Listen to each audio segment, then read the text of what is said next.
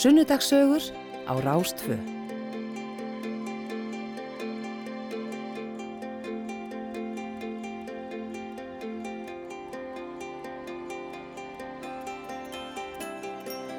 Jú, komiði sæl og velkomin í Sunnudagssögur hér á Rástfö og við heyrðum þarna í læginu Leiðin heim með Lights on the Highway, geggja lag. En uh, ég heiti Gíja Holmqvistóttir, var með ykkur til klukkan þrjú í dag og eftir það þá ætlaði Bergson og Blöndal að taka við með uh, sitt uh, fína tíma flakk. En við ætlum að hafa það hugulegt hér í sunnudagsögum, það voru kostningar í gær og það er alltaf svona einhver skemmtileg hátíðleg stemming á kostningadögum og hún svona, já, lifir inn í daginn eftir finnst mér, það er svona skemmtilegt. En já, við ætlum að hafa þetta bara hefðbundið hérna í dag í eh, þessum sunnundagssögum. Í fyrir hluta þáttarins þá mun ég taka móti gesti, hingaði hljóðverið okkar á Akureyri og í dag þá er það Þórgnýr Dýrfjörð, framkvæmdastjóri Akureyrarstofu sem að mun setjast hérna hjá okkur og segja sögur úr sínu lífi og spjalla svona bara um lífið og tilveruna. Og hann hefur frá mörgu að segja veit ég þannig að þetta verður ánefa afar skemmtileg og góð stund hjá okkur Þórgni hér á eftir. En í setni hluta þáttarins þá mun ég slá á þráðin svona hinga og þanga um landið eins og ég hef yðurlega gert svona í þessum setni hluta þáttarins. Og það er alltaf gaman að heyra hvað fólk er að bardúsa svona út um allt land.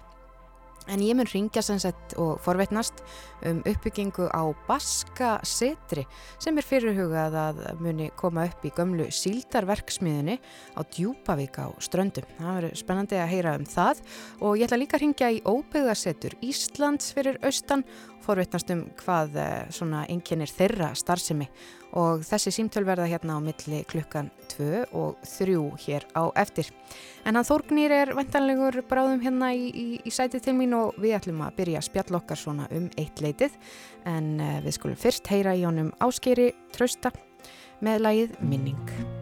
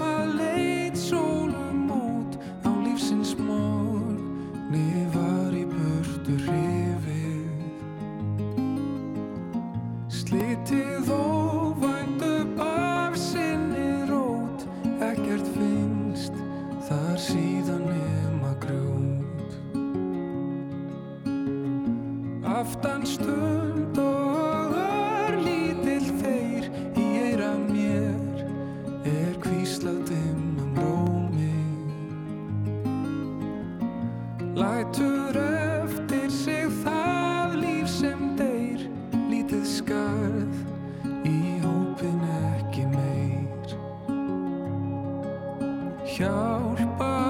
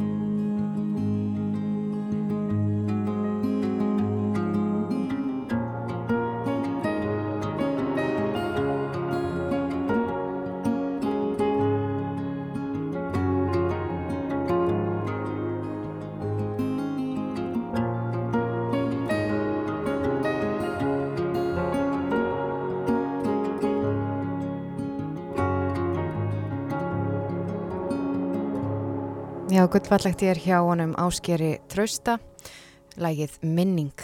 En við skulum aðeins kíkja til veðurs og hér inn á uh, vefsíðu veðurstofu Íslands má sjá horfur eh, næsta sólaringin fyrir allt landið en það er norðaustan 5-13 metrar á sekundu en sumstaðar 13 til 18, suð austan til.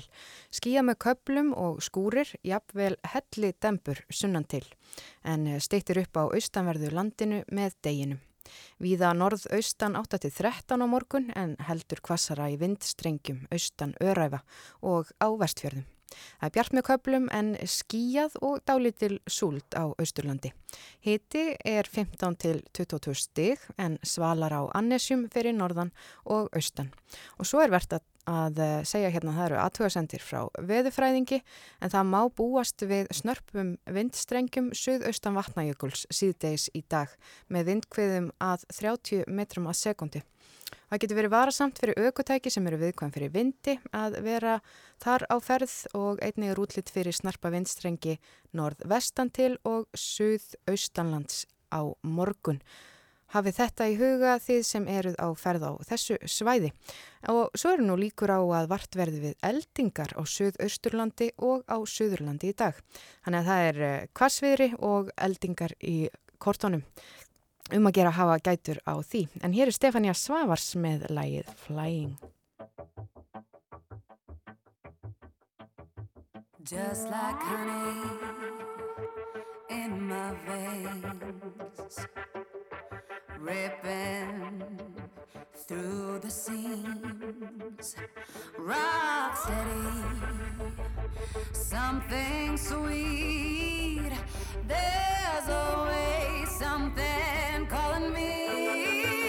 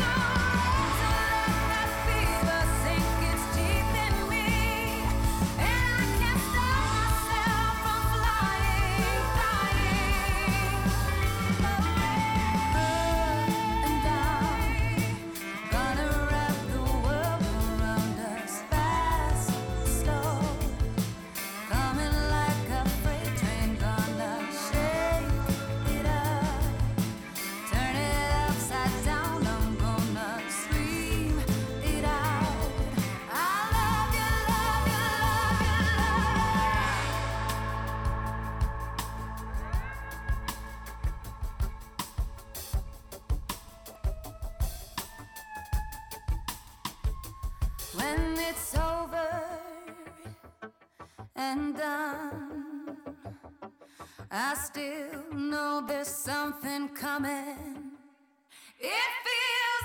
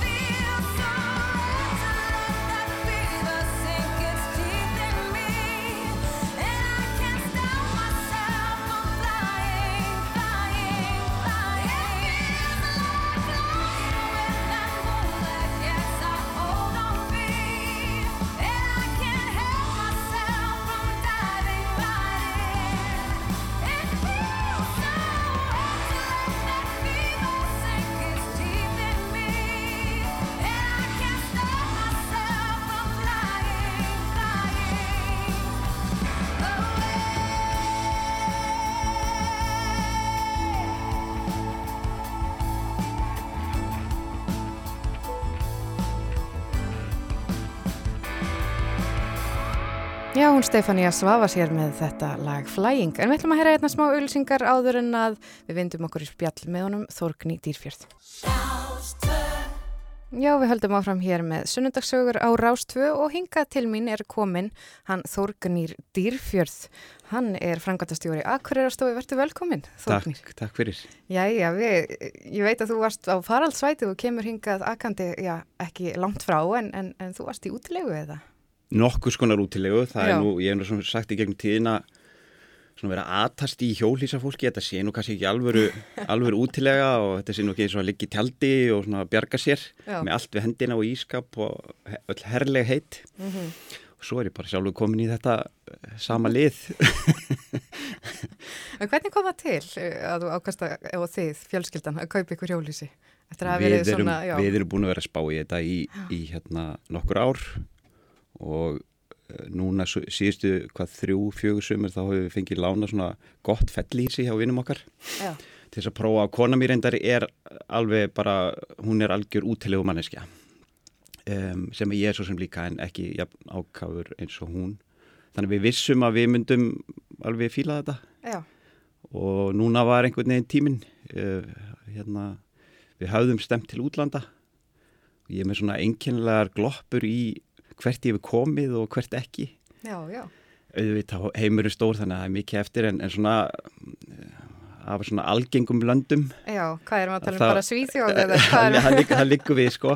Það eru nokkri staðir sem ég bara komið aftur og aftur og aftur til og ég er svona verið miklu særskiptu í Norrlöndin, þau eru all þar.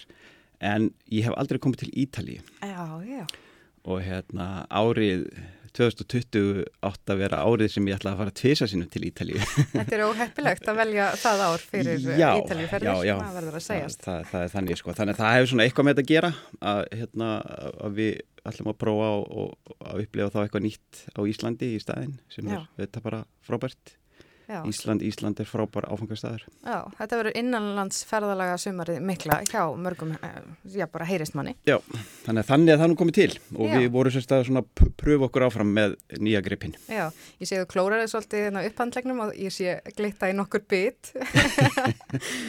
já, við, ég, sko það var, ég veit það ekki, hérna það er búið að vera svo mikið flakka okkur undanferði. Í, í fyrra kvöld voru við sérst í heimsókn, já, vinnum okkar í sumabústæðinu og hérna uh, fagnar brúkursamali og, og hérna er, við hefum samilitt með þeim.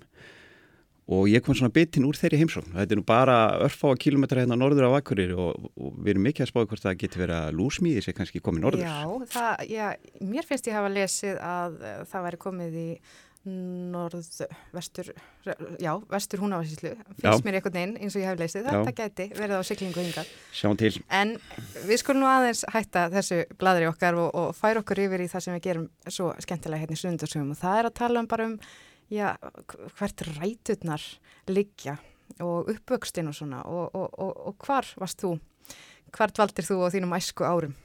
Ég er sérst fættur, fættur og uppalinn á syklufyrði og fættist þar svona um það bíl sem að síldin var að hverfa endalega Já, ummitt og hérna þannig að, að þegar ég fyrir að munna eftir mér þá er það ævintýri alltaf baki. En eh, já, ég fættur 67 1967 á Siglufyrði og alltaf ekki verið 68 sem að já, rétt eftir ég fættist þá voru göngin opnuð, strákugöngin og svo hvar síldin. Já. og hérna en ég auðvitað man ekkert eftir því uh, frá þeim tíma en, en svona uh, á þeim tíma sem ég var að vaksa upp að þá var svona, hérna voru rústir síldaræfintinsins voru okkar leikvöllur uh mhm. -huh. á, á Siglufyrði. Já, ekkert slór leikvöllur, voru ekki mikið, mikið af tækifærum svona fyrir ykkur og þetta hefur verið ævintýra land fyrir ykkur krakkana? Jú, jú, það var það auðvitað ekki hættulaus, nei, þetta nei. voru auðvitað bryggjur sem voru að grotna niður og, og brakkar eða brakkar eins og þau stundu kallaðir Já. sem að við fundum einhverja smögur til að komast inn í og hérna svona aðal hús uh, síldaminnarsafsins núna var um tíma skemmtilegu leikveldur okkar við fundum leið til að komast þar inn. Þannig að hérna, já já.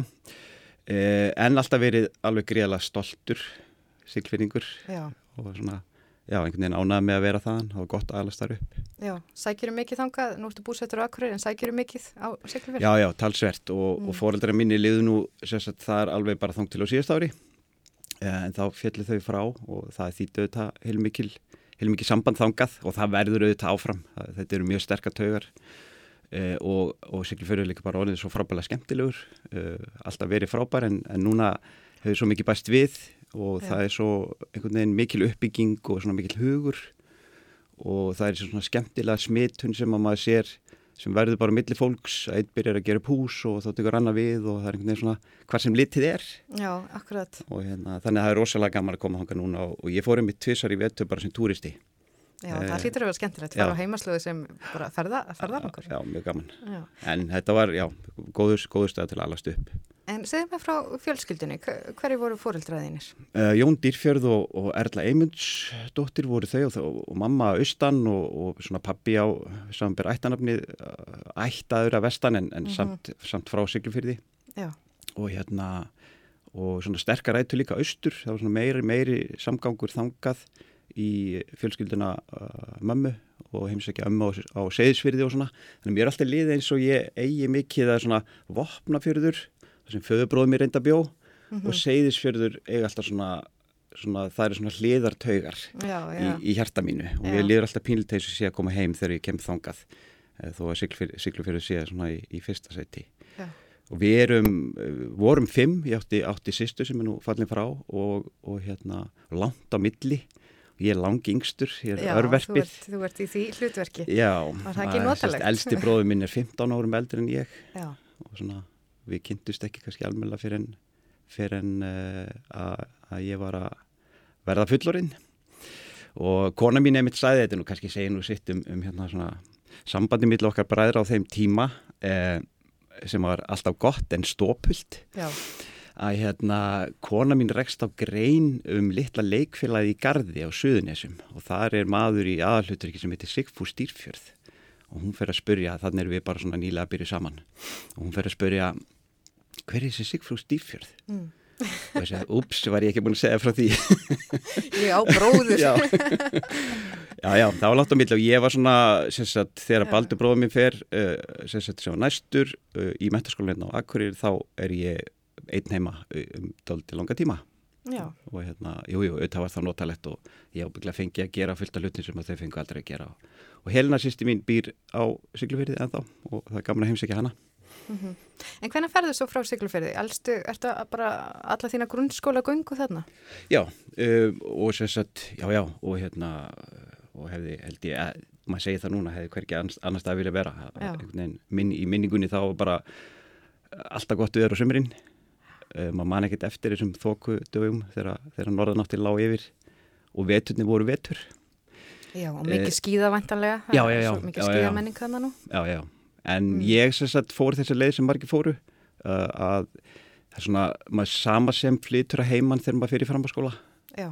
Þegar það er ekki skóli á staðnum og, og já, þá var í raun og verið aldrei langt til akkurir ekki komin einn göng í þá áttina og þá annarkortin láheðin að fara á Ólasverða múla eða í gegnum skafjörð og auðvitað tók ekki langa tíma en svona í vissu skilningi var þetta langt samt með, með hlýð svona færð og, og, og þess það þannig að einhvern veginn já þegar maður þegar maður sagt, fer í framháskóla þá er svona pingulítið eins og maður sé bara fluttur heima og það er pínu -hmm. skrít heimar bara 15 ára Já, og hvert eh, ferðu í framháskóla? Þá kem ég hérna til Akureyri, í metaskólan Akureyri og, og hérna Fær þá heimavist eða? Já, já, mm. og fóru heimavist og hérna var einhvern veginn eh, með mikla svona glíu eh, í augum Já. yfir þessum skóla. Uh, Baldur bróður hafi farið og ég einhvern veginn smitaðist af honum og hafði einhvern veginn humdur um að þetta væri bara ég yrði bara að komast hingað. Já, já, var bara örlegin þín. Já, ég veit ekki alveg af hverju en það var já. bara að ég, það, það var eitthvað sem að, sem að einhver andi sem að bast með Baldri sem að hérna, ég einhvern veginn tók í mig og, hérna, og sá ekki eftir því. Og hvernig voru svo mentaskóla árin? Stóðst þetta vendingar þínar? Já, já, alveg, alveg ekki samlega og hérna þá var mér sér svo gaman ég var fimm ár Já ég, ég held ekki að setja svona félagslífið eh, tók mig með trombi mm -hmm. eins og marga bara strax á fyrstu önn uh, þá er ég orðin formaður í einhverju málfundafélagi fyrstu bekkinga og komin í stjórn einhvers annars félags og þannig að já, ég er svona, það braust fram í mér mikil félagsmála strömpur sem, sem hefur einhvern þig já, já, já, já, og, og nöyt sín mjög vel þessi ár. Um, ég var alltaf, það bjó alltaf í mér svona einhver leiklistabakterja og svolítið fyndi að því að ég var að tala um elsta bróðu að, að hann var með þessa leiklistabakterju en algjörlega aðskili frá mér að því að það er svo langt á mill okkar og kemur ljósa við um hann algjörlega samela og erum bara doldið líkir þegar það er út í það farið já. en já, ég, ég fekk að prófa rosalega margt í Emma og mér finnst það alveg óbærslega mikil skóli sko við hliðina á skólanum og veri í rítstjórn, vera rítstjóri blaðs og skrifa greinar og alveg ótrúlega magnaðu tími mm -hmm. fyrir svo utan alla vinina sem að maður á enn þann dag í dag. Já, en eh, já, það hljómar eins og þetta hefur verið mjög mótandi mjög mótandi ár þarna í mentaskólum Akureyri en er eitthvað annað svona já, sem hefur haft mjög mótandi áhrif á því? Já, það, svona á þessum tíma? Á þessum tíma, já, já, svona gegnum gangandi, ég getur sagt sko um, það var kannski ekki mín lífsreynsla, kannski alveg mikið lífsreynsla mm. fórældrar minna Já. að eignast falla batna á sykluferi og það er nú svolítið sýstu mín sem er sem sagt, hérna, láti núna en uh, á meðan að eina agleiðin til sykluferðar var um sykluferðarskarð að þá eignast þau sérst mikið falla batn og uh, það er saman hana, hún er það mikið eldri en ég að, að svona, hún var svona næstu eins og frænga uh, og og svona með Jeman þá bjóðum ég á Solborg hérna á Akureyri. Og ég held ég verið að segja að þetta sé svona um, þetta sé reynsla að eiga hana fyrir sýstur sé, já, eitthvað sem hafði mjög mikil áhrif á mig. Er bara það alast upp með henni þó að ég hitt hann ekkert oft en hún kom oft í heimsókn. Uh, hún var sérstaklega döfdump, hún, hún sá svona nánast ekki neitt og heyrði ekkert og það er auðvitað mikið lífsreynsla að umgangast manneski sem að getur, sem hún nærði ekki til nema bara með, með, með svona takmörkuðu takmáli og uh, eftir að ég var svona, ég var að segja, ég hafi verið alveg fluttið til Akureyrar, ég fóð nú fyrstu sumurinn heim, var ná á vélavestæði hjá pappa sem hann rak og það er enda líka reynsla sem hafa mikil áhrif á mig að bara taka þátt í því um, en um, setni árin í metraskólanum þá fór ég að vinna á Solborg Já Þar sem að sýsti þín bjó? Já, þar sem hún bjó. Já. Hún var reyndar um það bila flytja bara aftur heim til Siglufjörður og sambíli þar þegar ég var að byrja á Solborg. Já, já, og hérna... En þú fegst að kynast henni þar í nokkur... Á, aðeins, á, aðeins, aðeins. Hún var reyndar á annari deilt heldur en, heldur en, hérna, heldur en ég var ná. Já. Og ég er ekkert þessum að ég hefði fengið þessa hugmynd að, sérst, að sækjum vinnu þar nema af því að ég hafði þessa reynslu að baki mm -hmm. og ég bara að vinna þar uh, uh, óbúslega gaman að, að, að kynast solvegu svona upp á nýtt í gegnum aðra Já, því það voru svo margir að vinna þar sem að, sem að hérna, þekktana og, og ég fekk yðurlega þessa spurningu, já, byttu, ert þú ekki bróðurinn að sollu? Þá var ég alltaf í norðin sérst frægur í því samfélagi fyrir að vera bróðir, bróðir já, hennar. já, Það var mjög skemmtilegt. Það var mjög skemmtilegt og, og bara stert að finna hvað mörgum þótti væntum hana. Og það var líka svona kannski pingu treyi e, í mörgum og eins og kannski okkur öllum sem kynntust, kynntust henni. Já. Að hafa tilfinninguna byggja svo mikið í henni sem hún gæti ekki látið í ljós og gæti ekki einhvern veginn gert möguleika sem hún gæti ekki gert að veruleika. Já, og, hérna, en, en, og líða bara eins og það þyrti bara einhvern svona miðil, e, nýjan miðil sem að gerði henni ennþá betur kleft að tjá sig. Já, hún hefur auðvitað verið fætt á þeim tíma þar sem að úrræðin voru ekkert mikil og sérstaklega nei, nei, nei, og mikið reynd og hún fótt í bandaríkjana og, og heilmikið í kringum það og það er alveg bara, held ég, ábygglega næstu efni í bók, uh, hérna öll svo saga, saga fóröldar minna, minna og hennar. En þetta hafði mikil áhrif á mig og mér líður stundum uh, á tímabilið fannst mér bara eins og allt ungt fólk ætti að, fá vinnu með fölluðu fólki því þetta breytir svo sín manni, manna, manns á, heims, á heiminn og á veruleikan og, og já, þessum árum er þetta kannski svona tvent sem að hefur mjög mikil áhrif á mig. Það er bara lífið í Emma og, og allt það sem maður einhvern veginn fekk að prófa í þessu mikla, mikla frelsi og mhm. áhugileysi um, og svo að vinna á Solborg og fá að kynast fólki sem að, sem að hérna sem að maður gleymir aldrei. Já, akkurat. Og þetta er nú svona árin það sem maður er ákveða svolítið. Hvað ætla maður að verða þegar maður verður stór, þess að maður segir. Jú, jú. Og, og já, þú nefnir aðna, já, margar leiðir eiginlega. Þú ert að fullu í félagsmálunum og það er leiklistinn og, og svo vinnan á Solborg. Um, já, hvað, hvað svona, hvert, hvert laði hugurinn? Hvað ætla það að gera súru svolítið? það er nú það. Ég hef alltaf haft alveg ótrúlega áhuga á mörgu og, hérna, og stundum er það erfitt en oftast er það bara gaman.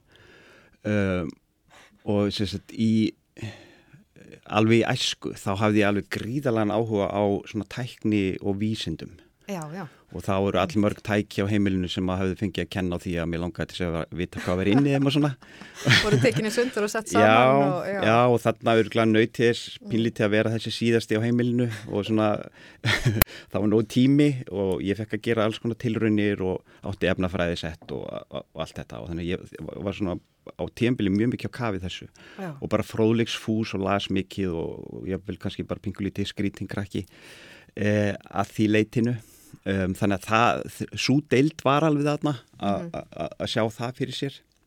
En alls ekki sko hvert ég myndi fara veist, jarðfræðingur eða já, já, eitthvað sko, það gæti verið ímslegt um, svo eftir ég kem í Emma þá er það svona félagslífi sem að næri sem tökum á mér. Uh, og ég kynnist þar heimsbyggi mjög vel. Þar voru tveir frábæri kennarar Guðmundur Heiða Frímarsson og, og Kristján Kristjánsson sem er núna í Breitlandi og er að gera garðin frægan já, uh, já, þannig ég svona fekk kynnast því að, að í kringum hugmyndir væru líka vísindi. Og hérna, þannig ég fekk alveg greiðlan áhuga á því líka. Já, á heimsbygginni bara. Já, á heimsbygginni En svona eftir vinnuna á á Solborga þá fekk ég hugmynd sem ég kannski já ég held ég bara skilja hann ekki alveg núna. En hún var mjög skýr á þeim tíma að hérna ég fekk þessa hugmynd að ég ætti að verða sjúkraþjálfari Já, já. Og fólki finnst þetta alveg stórundalegt núna og mér, mér ég vil sjálfum líka. Já, sko. þetta passar einhvern veginn ekki alveg við því. Nei, en það var eitthvað reynslan af Solborg og ég kannski var eitthvað svona Florence Nightingale í mér já, já. eftir þann tíma að mér fannst eins og ég er það að gera eitthvað gagn í þeim heimi og hérna og læra eitthvað sem að geti gagnast þeim heimi og mm. ég hafði svona mjög mikinn áhuga á kannski tæknin í kringum það að leta fólki lífið, kannski var það eðið þjálfur núna ef ég var í sömur spórum og hérna Þannig að sjúkra þjálfa draumi var, var svona stærstur hjá þig þá eftir útskriftið það? Já, þetta var einhver hugmynd um að ég ætti að halda áfram í gegnum einhver og svo leysbraut, já. Mm. Fórstu eitthvað með það? Já, já, ég sótt um. Já. og, og ég vissi þá eins og miklu meirluti þeirra sem að sótt um að, það, að, að maður fekk ekki inni. Mér minnir að það hefði verið 16 kannski mann sem voru teknir inn af einhverjum, einhverjum hérna, 100 hérna, umsækjendum. Og mér var sagt semst að já, þú myndi sækja um og það verður sagt nei og svona eins og Íslendingasjónum og, hérna, og þá skalt þú uh, hérna, uh, læra hjúknafræði í eitt ár í eitt já, vetur. já. og hérna til þess að undibúa næstu umsókn Akkur. og þá er það miklu líklega þá eru komið svona greina sem myndu gagnast þér. Og einhvern veginn þegar ég stóð frammi fyrir því að horfa á eitthvað, einhverja lýsing á hjúkunarfræðin á mig í Háskóli Íslands þá einhvern veginn komst bara upp um mig. Að þetta var kannski ekki eitthvað sem að ég sem að fylgdi ekki hérna hugur máli Nei, einmitt. E, Þannig að ég svona, já, rann á rassin með þessa hugmynd. En var einhvern veginn þar að ég þorði ekki að stoppa ég vildi ekki taka hlið frá námi eins og margir gerðu vildi endilega bara einhvern veginn halda áfram uh, var að vinna með náminu og, og, og sagt, já, vildi bara halda áfram því lífi uh mhm. -huh. um, og út að kynni mínum af heimsbygginni í Emma þá hugsaði með mér, já ég ætla að fara að læra heimsbyggi eitt ár fyrir kannar hjúkunafræði já, og hérna ég vissi nóg mikið um hana til þess að, hérna að ég vissi að það myndi gagnast mér alveg sama hvað ég fara að gera eftir já. það Þannig að þú varst mögulega pæli að fara aftur í sjúkra þjálfar? Nei, ég veit það ekki. Ég, ég, ég lagði, nei, ég lagði það bara til hliðar, Já. held ég. Það var bara búið Já. En, og, og, og ári heimsbyggja átti að vera svona ári umhugsunar, Já, en samt áframaldandi lærdóms. En það hefur eitthvað, eitthvað kveiknað þar? Já, heldur betur, heldur, heldur betur, sko, þetta var eiginlega alveg ótrúlegt að, að, að ég held að ég hafi ekki verið búin að vera nema kannski tvo til þrjá mánuði í þessu námi, heimsbyggjináminu að þá er ég bara alveg kólfallin fyrir henni og ja. það varði ekki eftir snúi með það og, og hérna uh, já, ég var bara, þá er ég bara harða ákvæðin í því að ég skilda minnst, minnstakosti sko klára að bíja próf í, í því Og þarna bygguði þá fyrir sunnan og þú varst komin, uh, þið voru búin að kynnast, þú og konaðið, en ekki? Já, jú. Og hvað heitir hún? Hún heitir Aðlöður Eðarstóttir og er sérkenslu stjóri hérna á leikskólanum Nöstatjörn. Og var hún líka í námi? Hún var búinn, hún var miklu ákveðnir heldur en ég og, hérna, og þegar ég var útskæðar sem stúdenta þá var hún að útskæðar sem fóstra eða, eða leikskólakennari. Þannig að hún var bara komin að vinnumarka en við vorum eignar spatt líka, okkar fyrsta þreymur og hérna byggum, byggum í Reykjavík þrjú saman og ég var námsmaður og hún var að vinna og ég reyndar vann allan tíman með og, en það gerðist sem sagt þetta að ég fjall fyrir heimsbygginni og, og gæti ekki hugsa mér að, að snúa frá því fyrir en að því loknu. Nei, og þú líka bíanáminu og Já. heldur eitthvað áfram, þú segist að það hafi verið svona í minnsta lagi sem það ætlaði að gera, það var bíanáminu. Nei, ég, síðan komur svona, komur svona gatnamót þar sem maður þarf eiginlega að hugsa þegar maður læri einhver svona, svona reyna fræði grinn, sko ætla ég að fara, fara hinn akademiska veg Já. eða hinn praktíska mm -hmm. og bæði kom til greina ég, það er alltaf svona lúrt í mér einhver akademikar eh, og ég hef allan tíman verið að kenna með einu með öðrum hætti. Þannig að það er svona sterkur kennar í mér. Og eh, en svona örlögin reði því, ég var búin að koma við í, í Skotlandi og þá fekk maður svona sem skiptistúdent og þá fekk maður svona er, ennþá sterkar einhvern veginn mynd af þessari akademi og hvað já. hún getur verið svona hillandi og um, en uh, Adda var búin að fá vinnu sem leikskólastjóri hérna á, á Akureyri þegar um það bil sem ég var að klára. Já. þannig ég fór íla beint frá Skotlandi og hinga til Akureyrar. Þannig að hún, hún hefur svona Hún hefur dreyið þig hingað aftur. Já, hún var svona örlagavaldurinn í því já. og hérna... Er hún líka frá Akureyri? Já, hún er, Akureyringur, já. já. Og hérna, og um, þá fór ég bara, leytið mér einhverju að gera. Já, og hvað fannst þið?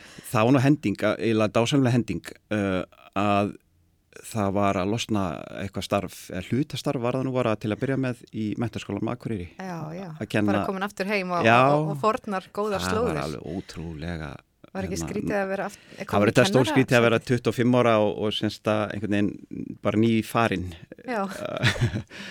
að hérna að fara að kenna fólki sem var bara litlu yngra. Um, og hvað kendur þú? Ég kendi heimsbyggi uh, og hérna svona mismundi greinar hennar hugmyndasögu, mjög mikið mm. langmest hugmyndasögu. Um, aðeins siðfræði, já með svona valgrein í siðfræði sem var uh, mjög gaman og, og hérna Já, það gekk satt að segja bara þú ég segi sjálfur frá alveg ótrúlega vel og, hérna, og það var mjög gaman að fá að kynast sínum gamla skóla svona, ég var að hinn meginn frá Akkurat. svona kennarastofu meginn frá Já, hvernig var það? Koma á kennarastofuna fyrsta skipti, fá kaffi bótan sinn eða Það var bara, bara mjög já. notalegt og þetta er auðvitað, þetta er samfélag þetta er, þetta er mjög svona skemmtilegt samfélag já. og svona heilstift og heldur vel utan því, þannig að ég, ég skildi strax mjög vel mm -hmm. eh, af hverju fólk eh, innan gæðsala bara lendir í því mm -hmm. að vera eh, framhanskóla kennarar alla sína tíð. Akkurat, það, var það eitthvað sem þú gæst hugsaður að gera?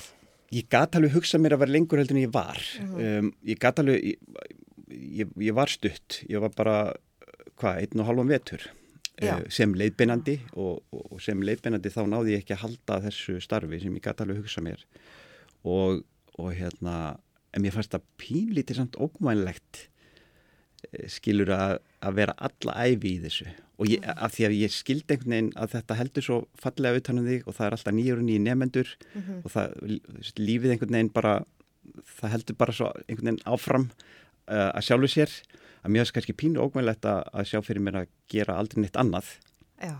Um, en ég gæti samt hugsa mér það. Já.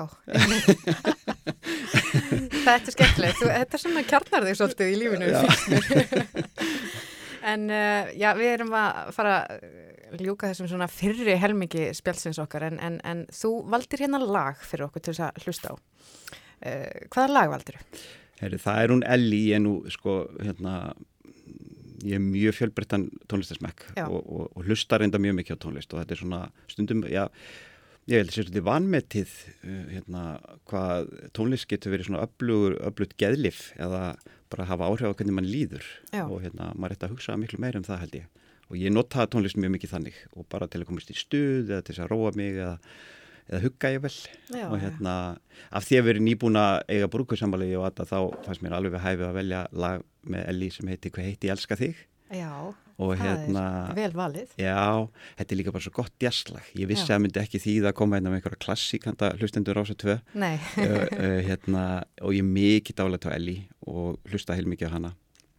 Og þetta er svona eitt af þeim lögum sem er bara alveg svakla fínt jæslag með henni og, og hérna eftir Cole Porter. Já.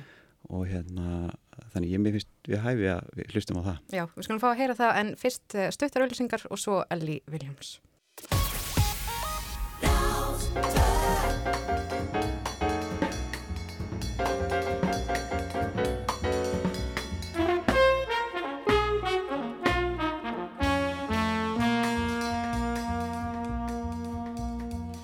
Ástin er undur sem ódáist lundur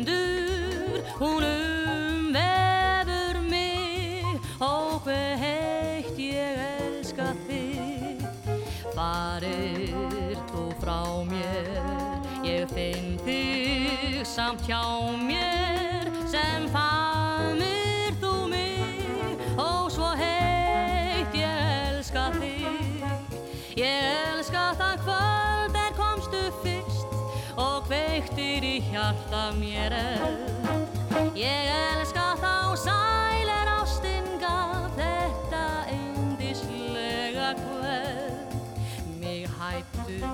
og hrjáðu, mig hýrtu og smáðu. Mín ást aldrei dvín og svo heit, og svo heit er mín ást til þín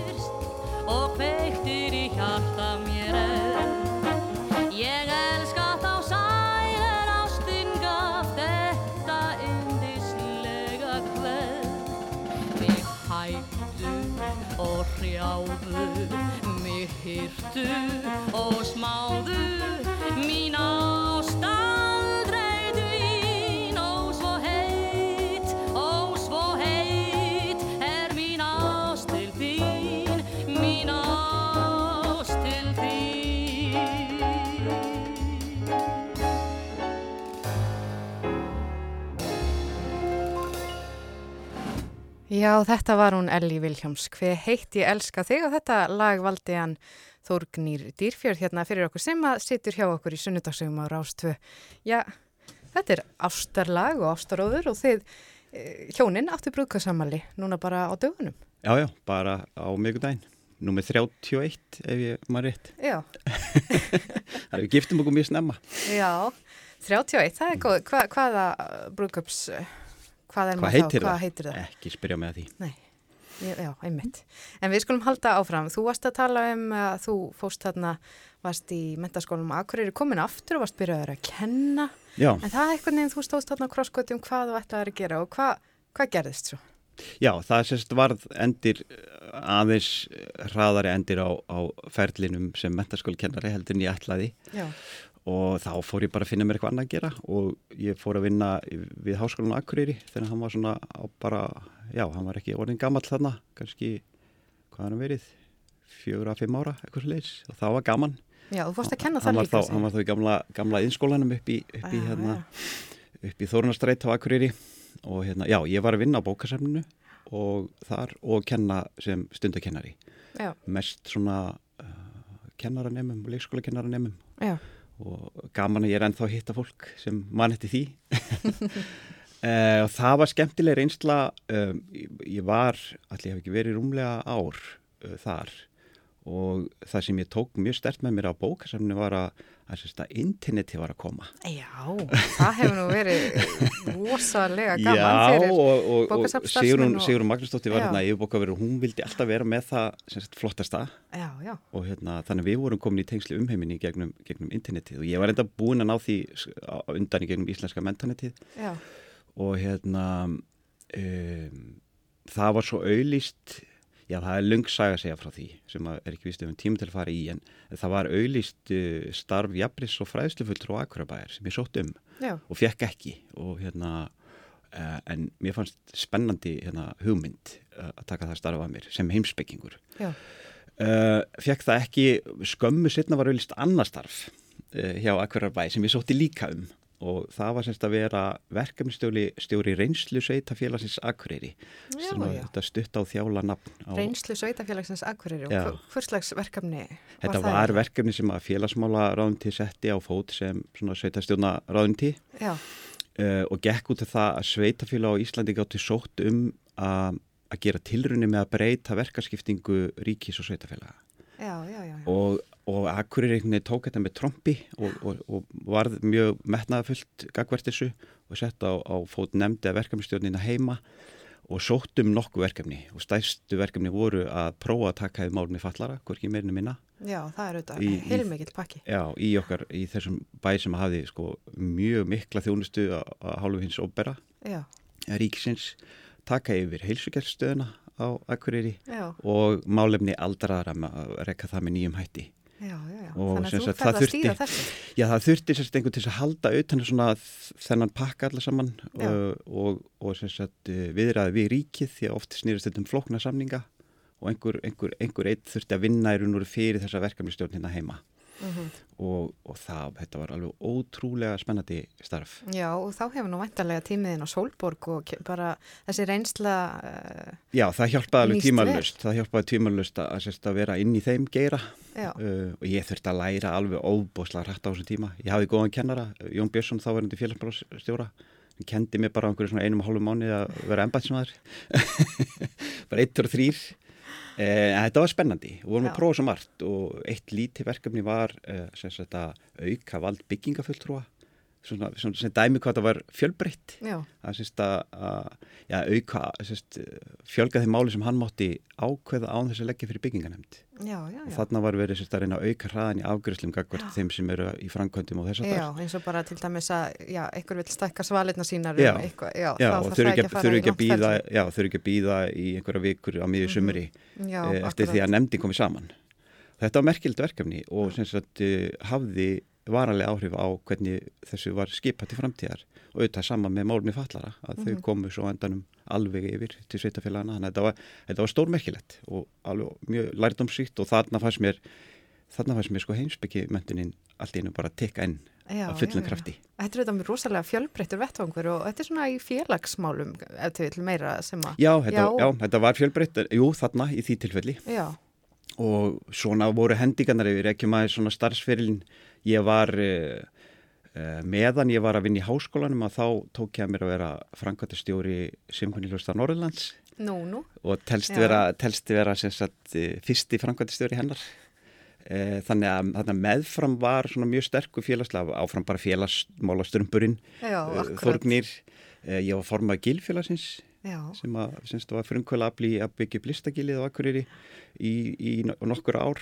Uh, og þetta var svona bara meðfram Um, já, því að maður þekkir því núna helst sem svona menningar uh, já, svona framkvæmtastjóra og verkefnastjóra í menningamálum og, og eins og hér fyrir norðan og alls konar viðbörðum þannig að það er svona skemmtilegt að heyra hvernig þú hófst svona, já, þinn fyrir meira uh, á öðrum stað. Já, ég er sérsagt búin að vera ótrúlega lengi hjá Akurarbæ og, og er bara glaðu með það, mér finnst ég að vera lánsamur að, að, að fá að vinna fyrir Akureyringa en ég er í fjórðastarfinu.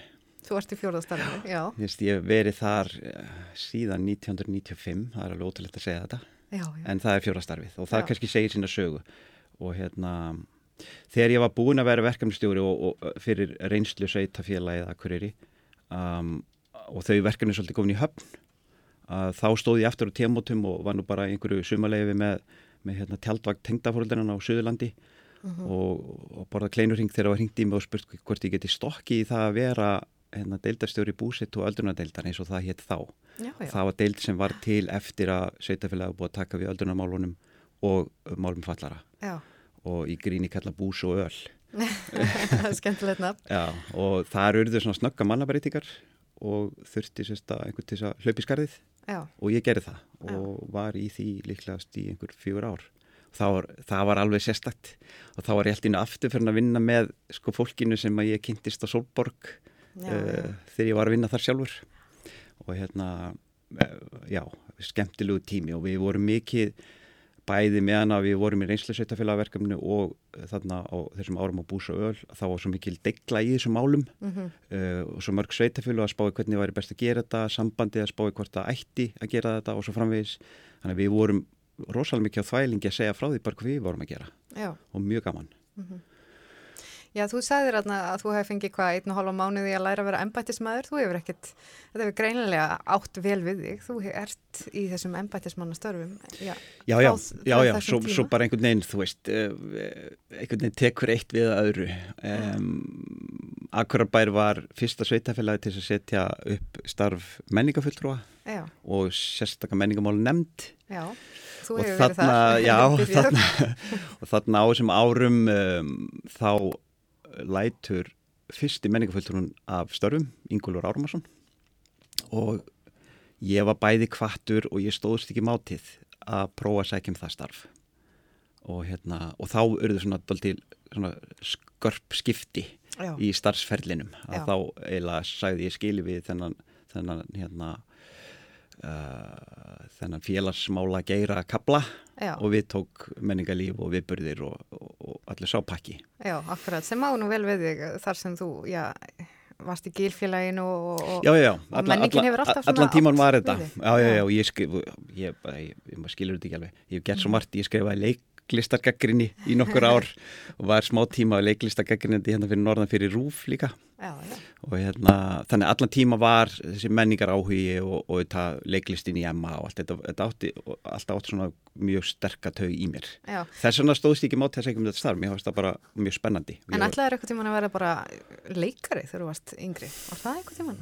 Ég leik alveg heilmikið í Emma og, og að prófa að vera í aðalhutverki og allir þessi pakki og hérna Um, já, ég held að sérst, þegar ég er að kenna því ég er, er alltaf að því mm -hmm. að mhm. þá kemur svolítið leikarinn upp í mér ég líti alltaf á það sem svona framkomu Akkurat. að kenna og maður þurfa að gefa alltaf vel af sér um, og einhver starf á leiðin í kvarla að mér að ég geti kannski alveg svolítið leikari um, vinnu minn einn sem að hefur verið að vinna svolítið með freymóksleikusinni, hann er svona alltaf jamt og þétt að spurja hvernig ég ætla að koma þannig það er í mér að vilja, vilja, vilja ég veit ekki, ég, það er svo margt sem ég þarf að gera og hérna um, mér langar líka að syngja í kór. Já. Og ég hugsa að það verði eiginlega alveg áraðilega ef, ef, og hva, hvaða kór myndur þú þá? það veit ég ekki, það kemur bara ljós Karlakór já, eða kammerkór eða hvað? ég segla allir myndi ekki byrja í karlakór til þess að vita hvort það röttin er ennþá aðna En já, það, það eruð þessi skipti og, og á þessari leið hefur síðan orðið til akkurarstofa, þannig að fyrst var þetta menningadeild og svo var hún lögð niður og það var til þess, þetta apparat sem að heiti núna akkurarstofa mm -hmm. og er svona menningamarkasferða og atvinnumála skrifst á akkurarbæjar og, og við erum orðin þar fimm saman sem vinnum og hérna, skiptum verkum þannig ég þarf svo mikið að hafa vita á þessu öllu saman. Það, það eru svona sérfræðingur hver á sínu því mjög, já, mjög gott teimi og, en það er óbúslega lífilegt og skemmtilegt já. starf og svona óurlega fjölbreytt. Já, e, síðan já, það er þessi kennari þarna sem blundar í þér og, og, og þú ert nú að gera mikið af því. Þú heldur við að fyrirlestra allskensi, já, má segja bara heimsbyggileg málefni og pælingar og ert með námskeiðahald Já, þetta með... hefur svona komið í bylgjum Já. og hérna á laungum kabla var ég var það svona þó nokkur aukabúgrein að halda námskeið, sífræða námskeið ég var mikið beðin að verkefælisfélugum og, og sérstaklega svona uh, í starfsmanna, starfsmannafræðslu að vera með erindum vinnustæðasífræði og þess að þar um, ég segi mjög oft já ef ég beðin um að halda einhver svona, einhver svona erindi og þá, semst bæðið, þetta mér finnst það gaman uh, en ég líka til að pína mig til að halda eitthvað áfram. Að, já, að hætti ekki að hugsa og, og, halda heimsbygginni við. Já, af því að um leið þú segir já ég skal koma og tala í 20 mínútur um þetta já. að þá þarftu einhvern veginn að raða hugsuninum saman öðru sig heldur en, en, en venjulega og gera það skipulega og, komast að einhverju niðurstöð að allan að leggja upp einhverja pælingar Einmitt.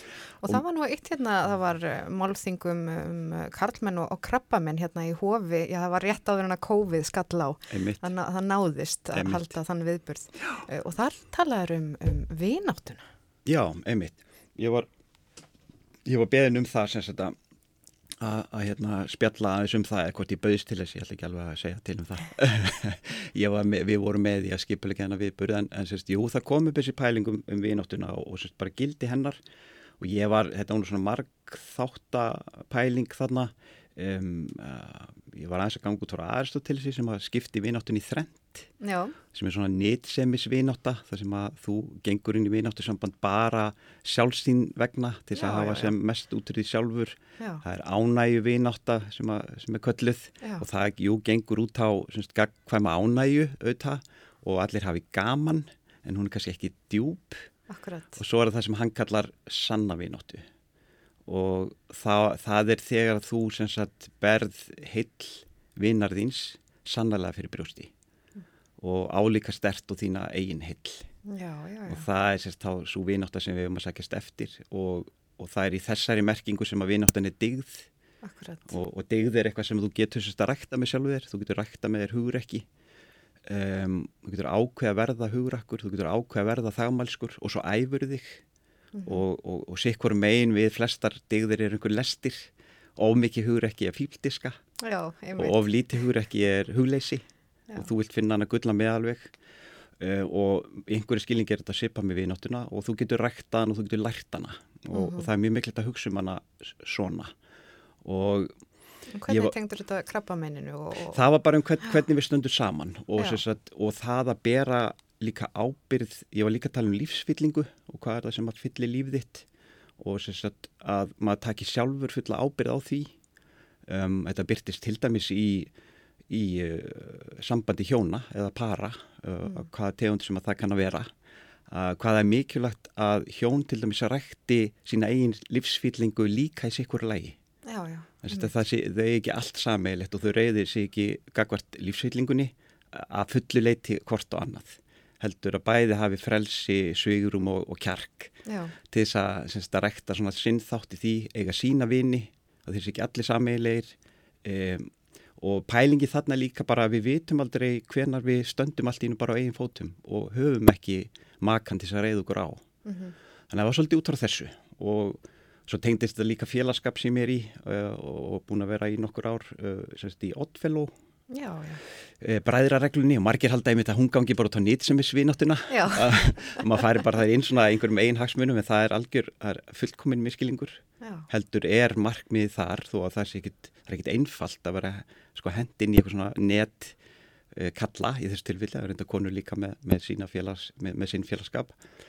Og það er sagt að nú er þið að vera vinir. Og, og markmið er að verða vinur í dýpri merkingunni Sannurvinur Sannurvinur eins og Aristoteles kallaði það, það. og hérna, ég var aðeins að segja frá því og, og hvernig mm -hmm. reyndar að rækta hana í þessum félagskap það er, og þú ert semst að vinna því að, að svona þroska sjálfa þig um, og ég tók sem dæmi að, að í þeim félagskap að, að þegar að félagi eða bróðir eins og það er kallað veikist Já. eða veikist alvarlega að þá búum við svona, til svona lítinn hóp sem að sem hefur það hlutverk að halda utanum viðkomandi já, já, og sem er sko svo fallegt og, og hérna og, og stert og segir svolítið mikið um þetta markmið semst að rækta þessa sönnu vináttu að einhverjir, einhverjir semst, félaga sem þú þekki mjög lítið þurfu gengur inn mm -hmm. að smám saman dýfkar vináttan. Og þetta tengdist líka því að við erum alveg svona að því að, að, því að það verður svo mikið, svo mikið tröst í svona félagskap að þá, þá þórum við líka að segja hverju öðrum frá Já, þannig það er bísna algengt að við, að því vorum að tala um krabba minna á þessu málþingi um, að þá fáum við kjark og hugur ekki til að segja hverju öðrum frá. Ef, að, ef ég hef vext að þá segja eins mín að sögu fram með fyrir hverju ég stóð, hvernig uppgöttægi að ég var með krabba minn og svona við erum svona að kenna og hjálpa hverjum að þessi leiti. Mjög fallegt. Það er mjög fallegt sko, ég var svolítið að tala um þetta og, og, og mér fannst þetta tengist þessari svona þrískiptingu við náttunar og, og hérna, já, þannig hengdi ég þetta saman. Já. Já og það er nú sagt að þegar maður gengur í gegnum erfiðleika þá viti maður fyrir raun hverjir eru mann hérna, sönnu vinir, já, þá kemur það í ljós. Já og, það, og þá syns að um, það er mjög stert hvernig, hvernig syns að þá allt í einu þá allt í einu sko krækjast saman digðirna vinátt á kjarkur mm -hmm. uh, af því að það þarf einhver svona sérstak tegunda krafti til þess að líta ekki undan að líta ekki undan þegar einhver annar á við erfileika styrýða heldur að verið tilbúin til þess að setjast niður og taka þátt Já. en það er svo stert í okkur að líta undan og þó er ekki og við vitum ekki hvað um að segja og hvernig á ég að nálgast einhvern sem er veikur og stundu leggja og flotta og það er alveg ömulegt mm -hmm. og það getur setið með okkur lengi ef við höfum klikkað Já, einmitt. Það getur verið sárt. Já, og, og þarna er svona, þetta, ég, þetta tengdist allt þessari pælingu já, frá því ég veitur. Hefur þú, hefur þú sjálfur, hérna, þurft að hugsa um eitthvað þér næri? Já, já, það er svo sem bara ættingjar vinir foreldrar á síðast ári og, og hérna, og það tókst mjög vel hjá okkur góðum vinnum mínum hérna á akkurir einsinni að, þriði vinnunum fekk MND. Já, já, já, tauga hörnun og síkdóminn. Já, og hérna ég er mjög stoltur af því hvernig, hvernig við hvernig okkur tókst að gera það eftir að hann var komið sko á, á eldurnaheimili þannig séð ungu maður að þá heimsóttu hann alltaf og eldum fyrir hann kannski humar og eða það er bara það sem hann langaði í. Já. og hérna drukkum kvítinn og höfum gaman. Inn á elli heimili og það var spes. Já, maður hérna, tengir það ekki alveg saman? Sem auðvitað ætti ekkert að vera. Nei, og, veit, og, og, og þetta var, var svo sjálfsagt. Já. og það var aldrei neinar hindaranir og starfsfólki bara ekkert mál. Já. bara þegar við erum búið með okkar kvöldmatt hérna á deildinni og þá bara eldhúsið ykkar, gjör þið svo vel. Og hérna ég vildi að maður hefði einhvern veginn einhvern döngun til þess að gera svona oftar eða meira. Mm. og hérna um, já já það var alveg ég veit ekki hvort ég á að segja þetta í útvarpið en ég ætla samt að segja það að hérna það var alveg sögulega fyndið eitt kvöldið aðfara átt förstags að ringja á leigubíl á Akureyri klukkan sennilega hálf þrjú eitthvað svo leis um nóttina. Getur þú sendt mér bíl hérna? Og hvert á hann að koma? Og öldurna heimili hlýð svona var þetta sko. Þetta, yeah, þetta, ja, þetta var mjög gáðan og hann líka þessi góði vinnu minn Sigur Jónsson hann kunnið þetta svo vel. Hann var hérna og svo, svo flottur sjúklingur. Já, flottur sjúklingur, Já. það er maður það líka sem það. Já.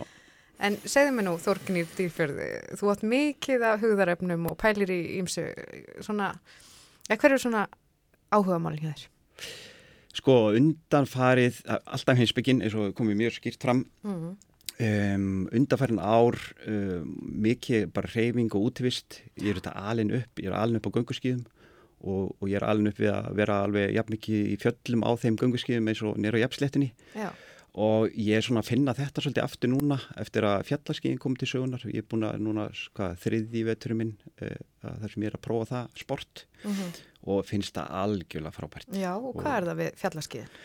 Það er bara þessi saminninga þetta er bara mikið líkarsþjálfun bara veist, að fara á kaldbakkan eins og vera í stegjuvél í einhverja svona þrjá klukkutíma. Þannig að þetta er mikið, mikið, mikið líkarsæfing og svo bara velunin að skýða niður aftur.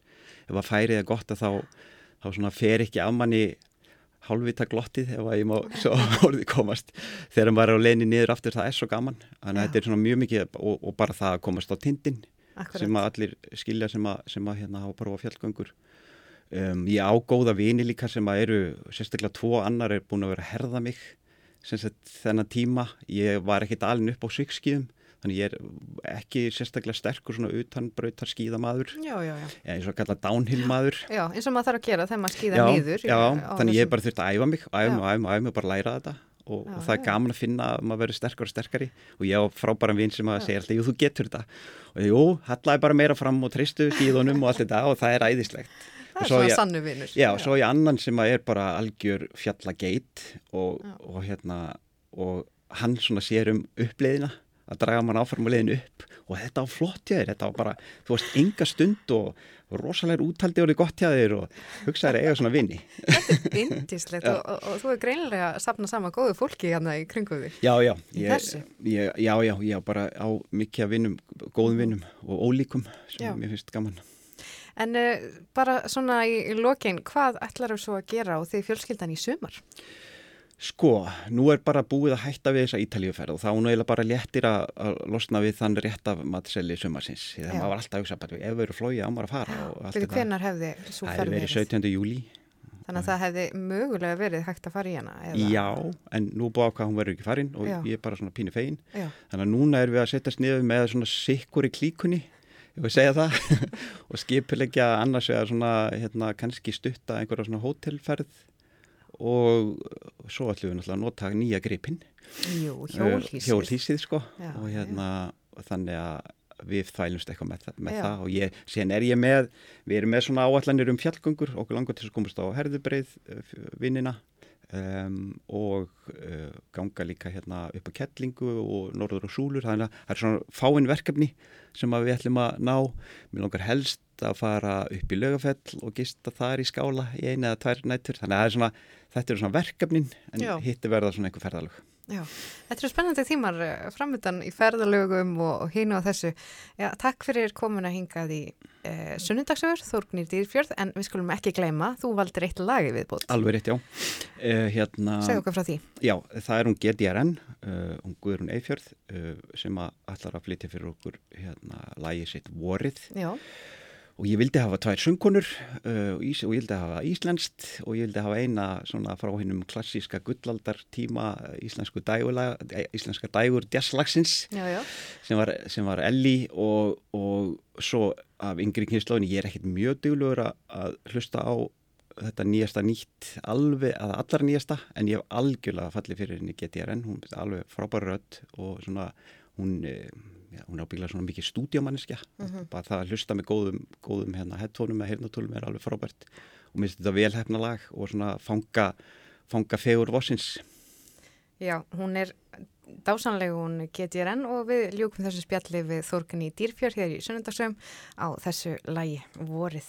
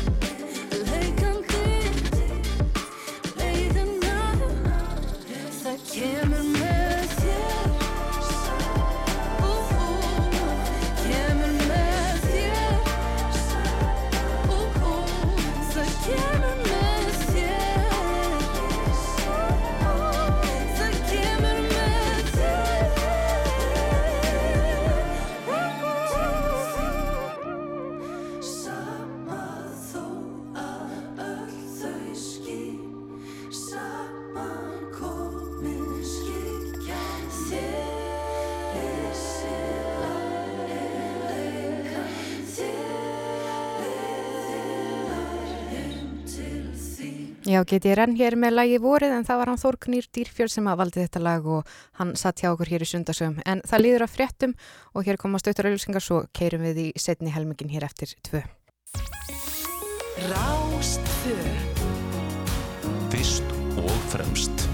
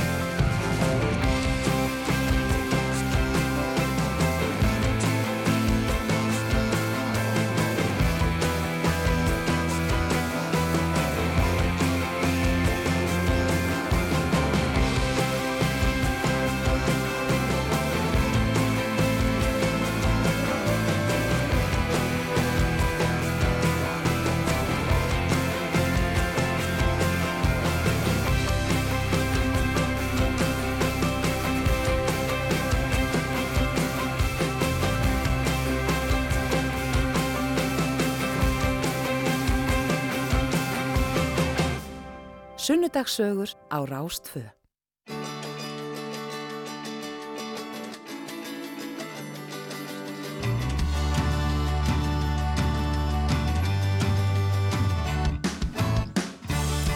Jú, við höldum áfram hér í Sunnudagsögum á Rástfö og ég heiti Gíja Holmgerstóttir og ég ætla að vera með ykkur hér til klukkan þrjú.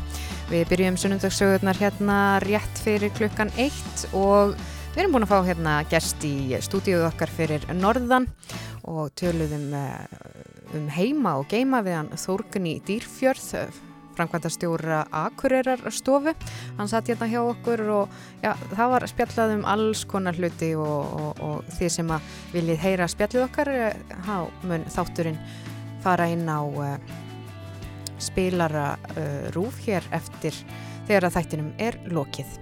En það er komið að setni hlutanum og þá ringi ég svona hingað og þangað um landið og ég ætla að byrja á því að ringja og forvetnast um uppbyggingu á Baskasetri sem fyrirhugað er að koma upp í gömlu síldarverksmiðinu á Djúpavík á Ströndum.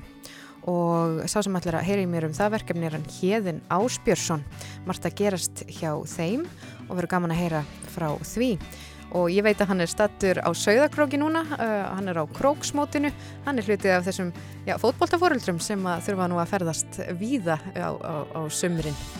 En uh, ég ætla líka að heyra í öðrum uh, sem að er í starfrækir óbyggðarsettur Íslands Ég ætla aðeins að forvittnast um hvernig þeirri starfsemi er hátað en uh, eh, er fyrir austan á Östurlandi, er í botni Norður Dals og þetta er svona síningum lífi óbyggðum og, og má ekki bara lýsa þessu sem svona nokkus konar ferðalagi aftur í tíman og það er hann Stengrimur Karlsson eða Denny Karlsson sem ætlar að segja mér allt um þetta. En uh, við, áður en við heyrum í uh, þeim þá skulum við hlusta hérna á smá tónlist. Hér er uh, Lili Allen með lægið Smile.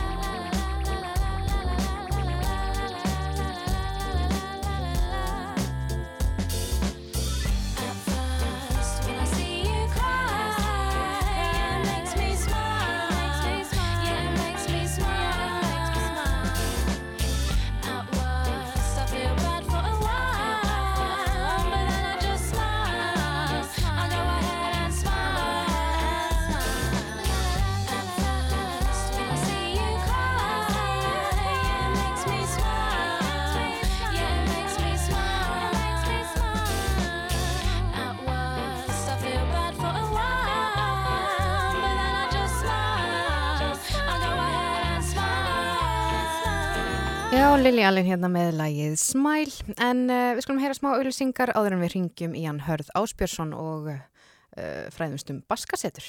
Sunnudagsögur til klukkan þrjú í dag. Já þeir eru að hlusta sunnudagsögurnar og við erum komin í samband við hann Hjeðin Áspjörsson sem að, já, ætlar að eh, setja á fót Baskasetur. Hvað er sæl Hjeðin? Já, er sæl? Já, já, Baskasetur, segð mér aðeins frá þessu. E, já, það er nú, ég veit ekki hvað á að byrja. Þetta er náttúrulega, við vitað að eh, þessi, að þessum miklum hörmungum hérna, ekki 1615, baskaði ég náttúrulega sér stað. Já. Uh, þegar að skipbrótsmenn voru teknir lífi án dáns og laga fyrir vestan og hérna það veit svo skemmtilega til að skip sjóbrótsmanna fóru niður í Reykjavíri á ströndum. Og svona pælingin var að setja upp ykkur svona ykkur setur sem að minnist þessara sögu og kemur þessari sögu á framfæri á samt því að að menn geti glöggva sig á úrinni aðbúnaði hugsanlega um borð og hvað þessir menn sunnan úr Európa voru að gera yfir höfu til Íslands á þessum tíma. Já, já, hvaða erindi er áttu og svo framviðis Já, uh, þú ert fættur og uppalinn á í Djúbavík, er það ekki svo?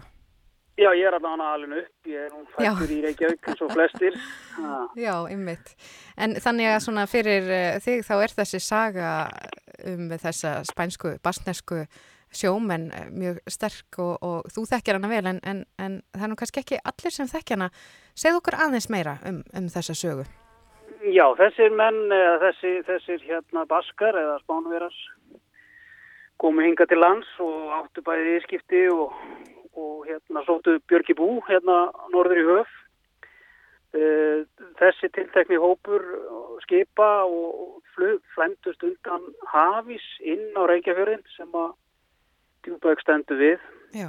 undan hafís og þar brottuðu skipi niður og, og hérna og menn komust ílanleiki land en, en lífðu af og, og svo hérna komust þeir með því að taka báta tröstatæki yfir í djúb og þar tak, tók Ari öfri á mótiðum og sem endaði með þessum skjelvingum að, að þeir voru bara lífláttnir og, og hérna það reyndar vill vera þannig, reyndar þannig að sagan segir að, að hluti skipurhóðsmannana hafi komist til og í skip og til sinna heima en það líka nú svo sem ekkit fyrir ykkur að grúndíkar uh, heimildur um það Nei.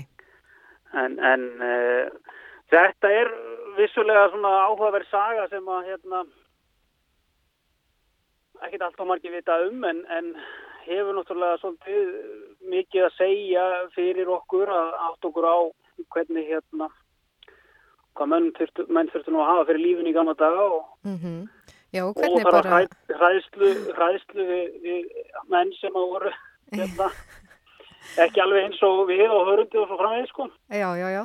Já, og þið ætli nú að setja þetta upp þarna í annars konar sögulegum uh, byggingum minnjum, og minnjum, já. já, það eru síldar, síldarversmiðan gamla.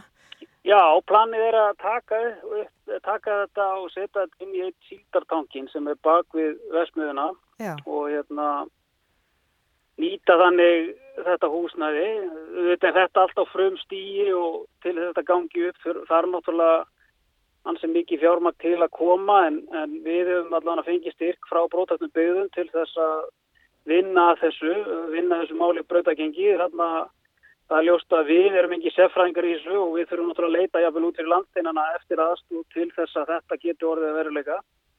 Og vonandi fáum við bara þessu máli breytagengi innan kervisins okkar og jáfnvel þá Erlendis líka menn hafa sínt þessu tölvaran áhuga Erlendis sagt, í til dæmis Baskalandi og aðrir sem að þekka þess að sögu og mögulega getur þetta bara orðið svolítið merkilegur áningarstaður að kynna sér þess að sögu og og þá sögu og svo sögu síldar e, síldar veðana í, í, í Djúbæk mikið, mikið setnaði í þessu.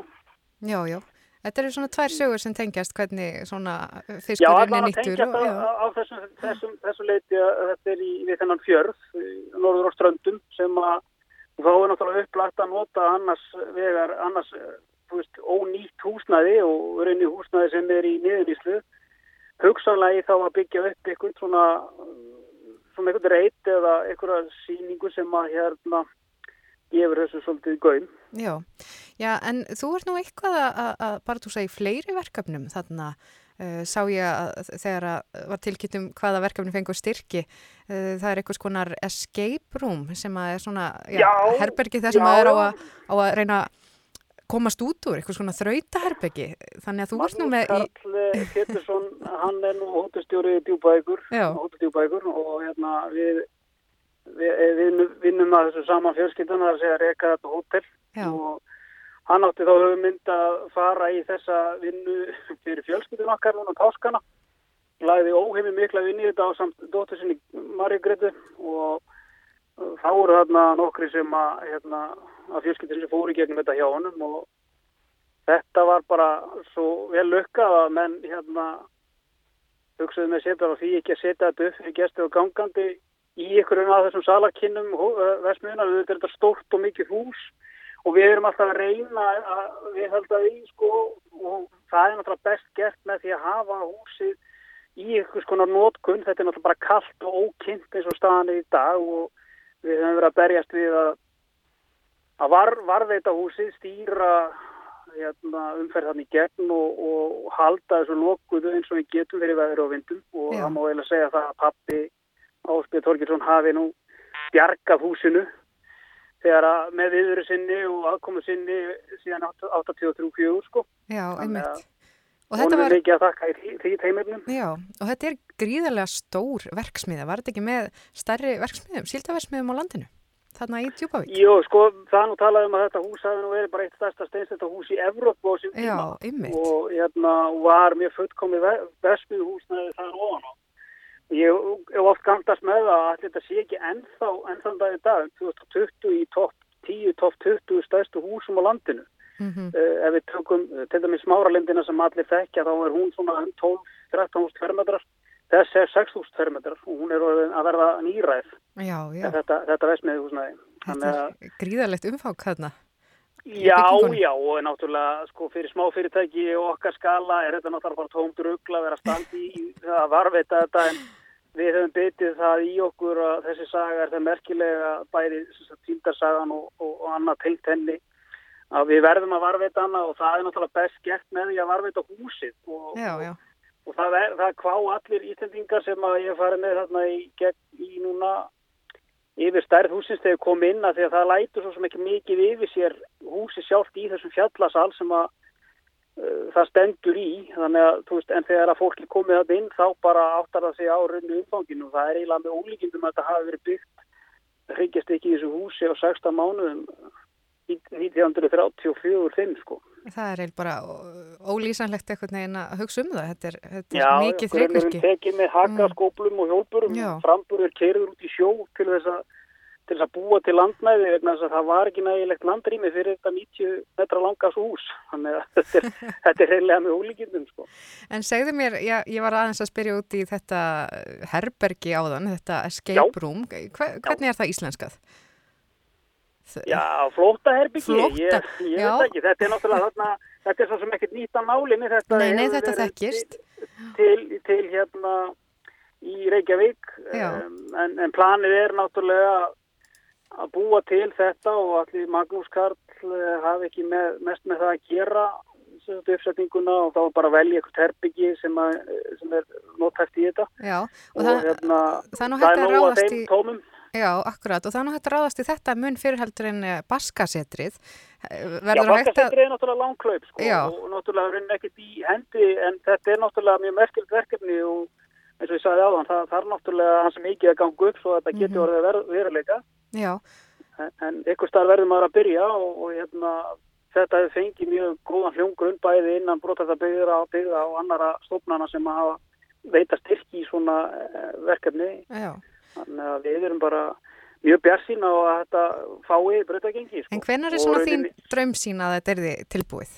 Hvenar væri hægt svona raunhægt? Og að við tímaplanið okkar þá erum við að horfa á 2024-2025 sem Já. að við getum verið að opna því að þetta eins og ég sagði þar náttúrulega aðkomu bara þverfærilegra sko vinnuhópa bæði fræðinanna og svo bara náttúrulega hönnunar og annað sko þannig að við erum bara rétt að byrja rauninni þessa vegferð sko.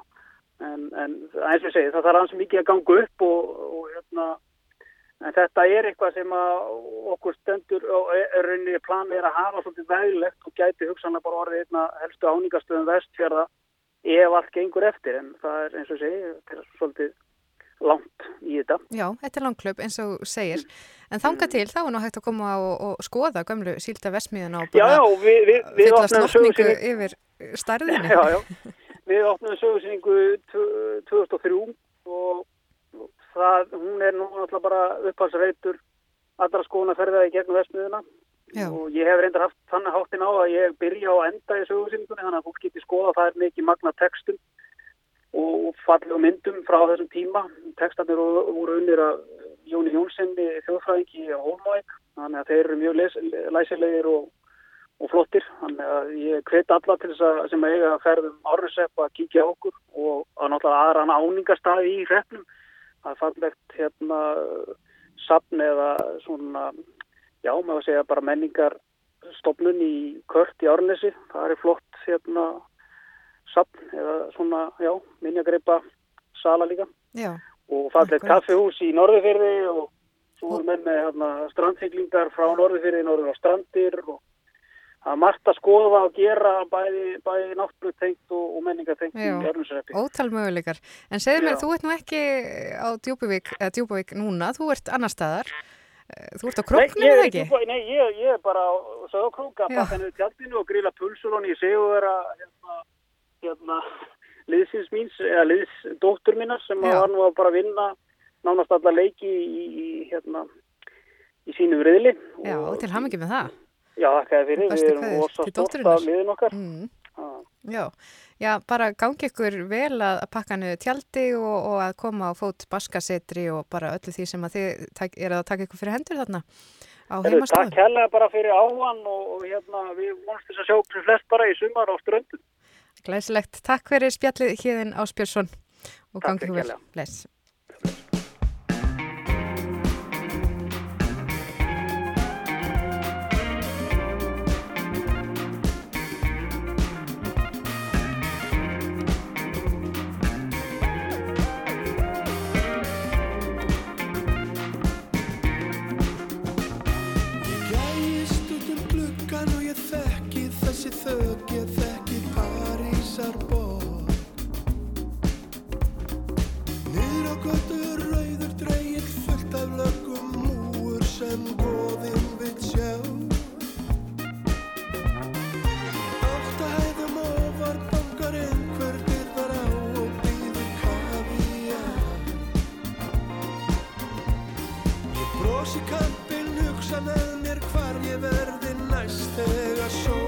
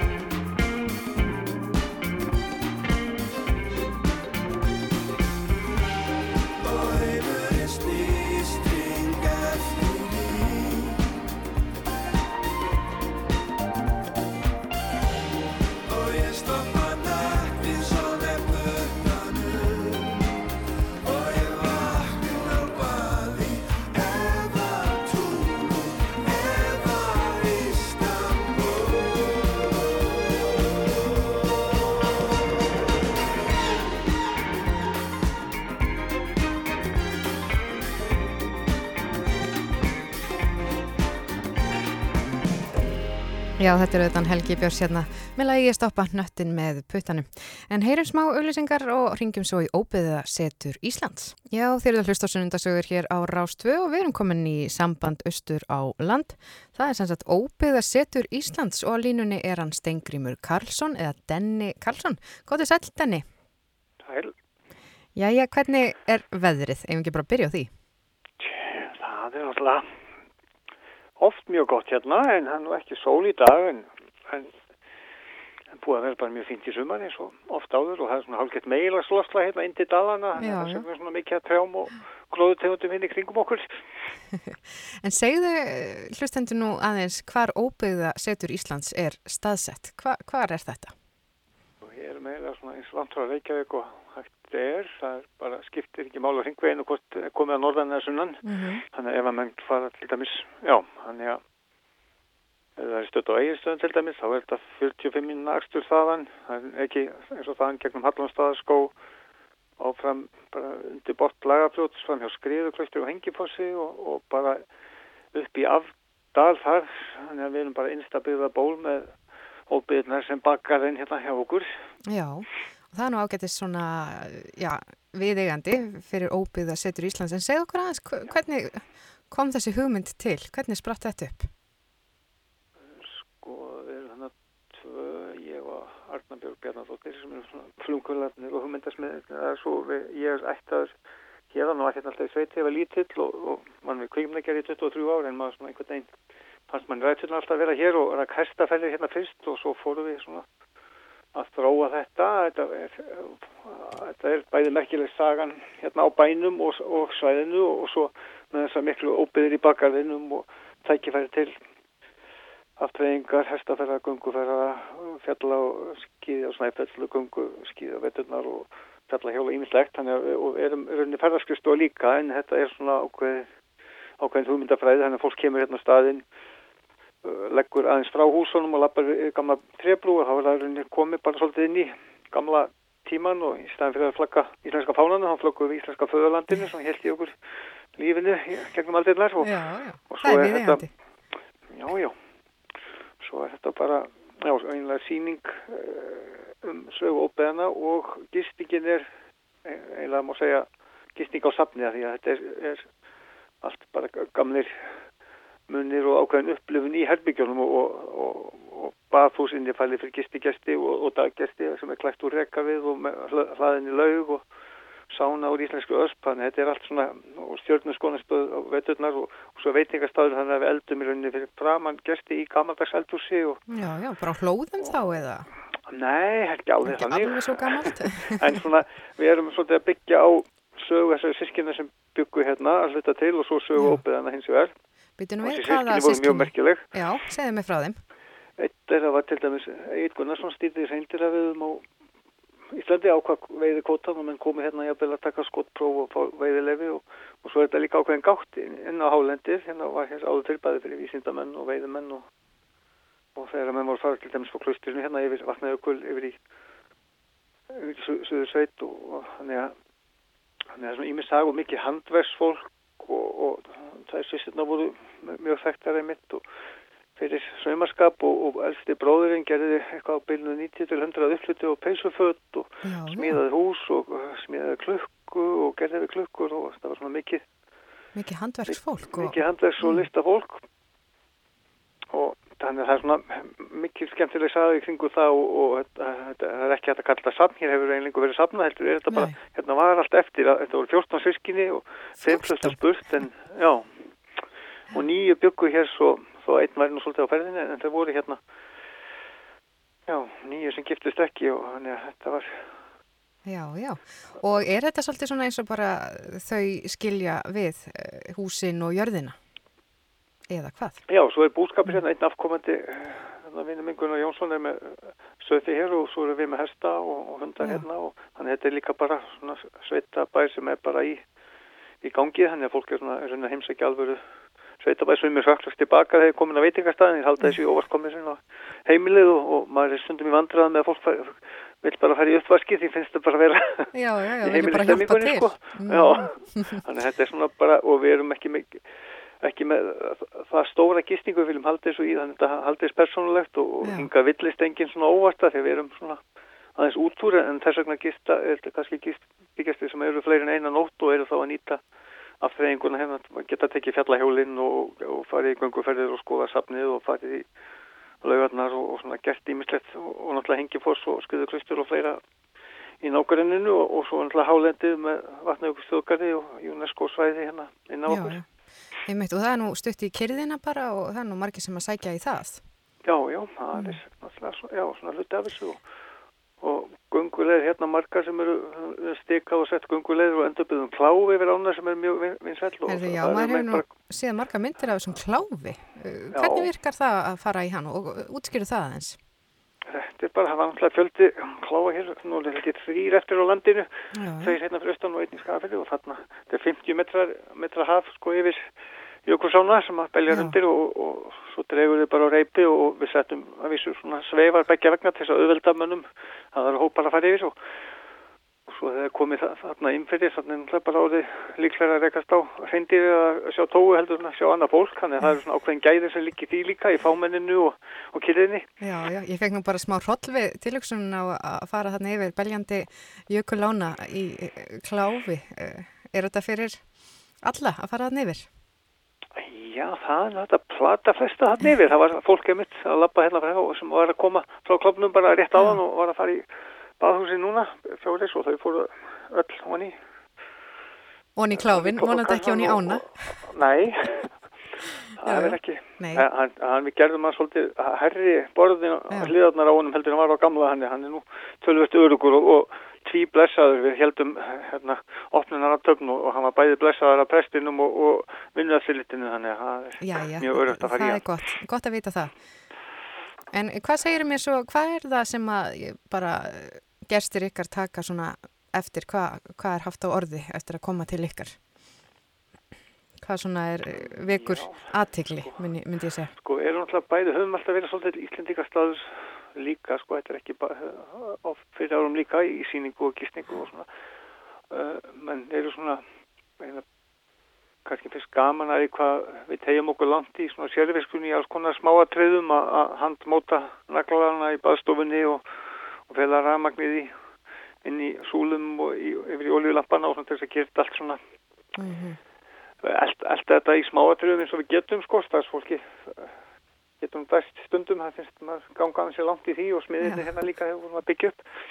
Og eins og sækja rekaðu út á langanest þess að geta sagt sögu síberiska rekaðiðsins þess að klæða húsi með og svona að, að svona reyna að halda halda þessu í, í smáatröðum heldar upplöfunni og og svona markmiðið er reynd að vera við verðum ekki aldrei fimmstjórnu hótel en við reynum að vera fimmstjórnu upplifun og gæstir sem gista hérna eru mjög sáttir. Já, þetta hljómar mjög vel og einmitt eins og þú segir ferðalag aftur í tíman en uh, Denni Karlsson Stengrimur, hvað ásó að gera í dag? Hvernig verður dagurinn hjá þér? Það er, þeir eru oft svona svolítið fjölbrettir, ég lappa með fólk hérna eitthvað í gegnum leysögnina og ímis praktíkan og einhver skrifstó og starfsmannaplans vinna, þetta er náttúrulega venjulega höfum við verið með tíu mann sérn í óbæðisettinu eins og í þeirra sumar og svo erum við með laugafell sem er með gistingu hérna på hálendinu og, og það, það, gengi ofta á milli 6 tíma ganga Já. þannig að ég er að skipulegja til dæmis ferð yfir lónsverðafinn með hóp sem er 5-6 dagar ferð og er eitthvað brasið því í dag og, og svo það maður bara hopp í allt, það maður bara mhm. skipta rúmum og helstust að jafna hesta en svona, ég kannski ekki það í dag og þannig að það er allavega hana verkefni sem Þetta er bara eins og lífið í sveitinni, það eru mörg já, verkefni já. og alls konar að gera Ég bara þakkaði fyrir þetta spjall og einsinn í hvað þið eruð að gera þarna á óbyðasettri Íslands. Takk fyrir spjalli Steingrimur Karlsson.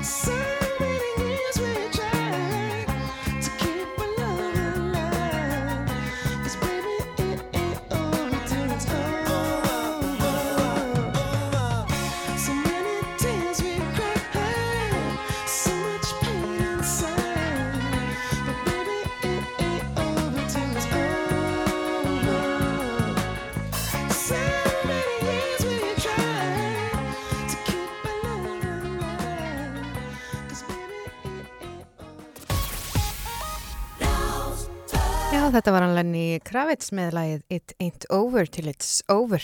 En við heyrðum þarna áðan í Óbyðasettri Íslands og við frættumst eh, líka um já, stort verkefni sem er í gangi á, í Djúbavík, eða sem sagt já, í farvatninu. Spilum þar við hérðin Áspjörsson um Baskasetur. En við skulum aðeins heyra hérna, já, það sem stendur á, á fórsíðu Veðurstofu Íslands, eða sem sagt vefsíðu veðurstofur Íslands réttar að sagt. En það eru hérna aðtöðsendir veðufræðings en eh, búast má við snörpum vindstrengjum sögð austan vatnajökul síðdeis með vindkviðum að 30 metrum á sekundu. Það getur verið varasamt fyrir aukotæki sem eru viðkvæm fyrir vindi. Sett, e, eh, því sem eru það ferð á þessu svæði hafið þetta í huga. Og einni er útlitt fyrir snarpa vindstrengi norðvestan til og sögð-austanlands á morgun og það eru líkur á að vart verði við eldingar á söð Östurlandi og Suðurlandi í dag. En við skulum heyra hérna í Coney Islands Babies með Swirl. Þú ert að hlusta á sunnudagsögur á Rástfö. Take me to another place Where the sun don't shine But the stars light up the night I will hold you in my arms. Take me to another place tonight. Take me to another place where the present norms neither dictate nor apply. We can just be who we are. And I will make you feel alright.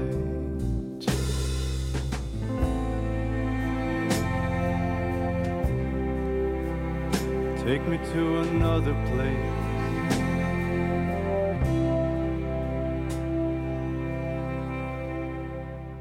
Up among the stars, where the angels sigh endless void swallow sound in a never ending waltz. You and I can swirl around up among the stars like satellites We watch that fragile world. We can choose an orbit we like, an eternal.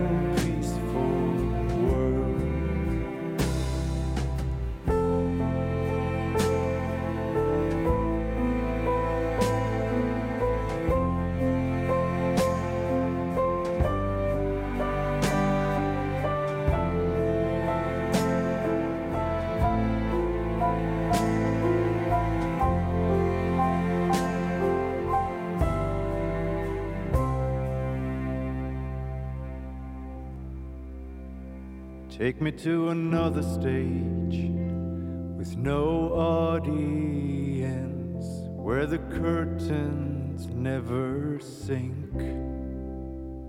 We can act as lovers there, not care what others think. Take me to another place, somewhere where no one knows our names. I will rest my head in your lap. Let us run away today.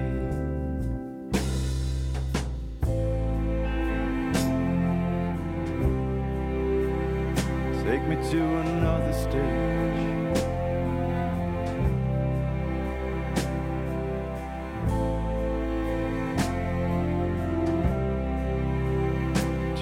to another place.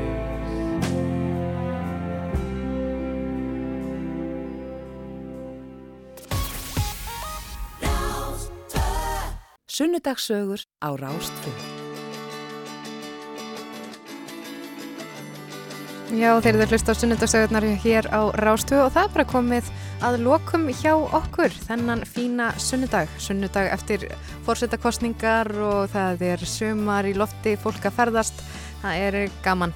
Og það er búið að vera gott að vera með ykkur. Eh, ég hef fengið hérna góða gersti til mín, bara alveg frábæra gersti eða sem sagt, ég fekk nú eiginlega bara einn gest til mín, það var hann Þórknir Dýrfjörð. Hann er frangatastjóri Akureyrastofu og hann sagði sögur úr sínu lífi og hann kom hérna í hljóðverið eh, á Akureyri til mín og við spjöldum saman og, og það samtal má nálgast á spilara Rúf en uh, ég heyrði líka í honum hérni Ásbjörnsinni uh, sem að ætlar að koma á, á fót Baska setri í gömlu síldarverksmiðina í Djúbavík það verður spennandi að fylgjast með því. Og svo heyrði ég líka á honum Denna Karlssoni eða Stengrimi Karlssoni sem að rekur uh, á samt fleirum óbyða setur Íslands á Östurlandi og það var gaman að heyra hvernig já, það er svona farið, það er ferðalega aftur í tíman þegar maður kemur þangað En uh, hér framundan á Rástvö, það eru þetta tímaflakki með Bergson og Blöndal sem að hefst hérna strax að loknum næstu fréttum klukkan 15.02 og svo er það geimt en ekki glimt eins og þið hafið heyrt hérna í auðlusingunum. Þar þar verður FM Belfast How to Make Friends platan uh, tekinn til greiningar og það verður spennandi. Svo er það þetta sveita uh, hljómur, það er fjóruði þáttur að sveita hljómi þar sem er farið yfir country sviðið Það hefst hérna klukkan 18.10, ekki missa þessu hérna á Rástvö, skemmtileg dagskrá framundan. En síðan vil ég bara þakka alveg sérstaklega fyrir mig í þessum þætti. Þetta er loka þátturinn sem að ég held utanum hér í sunnundagssögum. Eh, það sem maður tekur við eru sumarsögur og það eru, sem sagt, sumarsögur er, eh, verður haldið utanum af honum Jakobi Birgisinni. Hann er uppistandari og bara virkilega skemmtilegur og mun haldið utanum að heyra svona sumarsögur frá fólki, bara skemmtilegt spjallum sömarið og, og, og hvað það er nú indislegt hér á Íslandi og víðar auðvitað bara. En uh, það er komið að lokum hér hjá mér í dag. Uh, ég þakka fyrir mig. Hafið það gott. Gíja Holmgjörnsdóttir kveður hér frá Akureyri og verið sæl og við skulum heyra hérna í Buppa og Hjálmari að lokun með lægið Þöggun.